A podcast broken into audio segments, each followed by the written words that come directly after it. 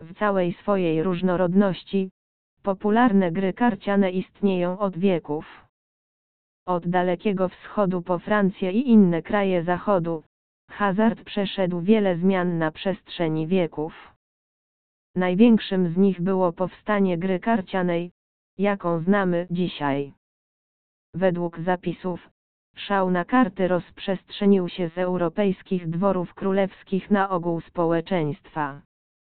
Wkrótce gry karciane zawładnęły wszystkimi, pozostając jedną z najbardziej ukochanych rozrywek. Francuzi wymyślili talię 52 kart z czterema znakami lub kolorami, jakie wszyscy znamy dzisiaj. Ten system kart jest nadal w dużej mierze używany dzisiaj i sprowadza do stołów profesjonalnych graczy, przyjaciół, rodzinę, a nawet nieznajomych. Ostatnio, wraz z pojawieniem się nowej technologii, ludzie cieszą się grą w różne przyjazne i konkurencyjne gry kasynowe. Dziś jest ich więcej niż możemy zliczyć.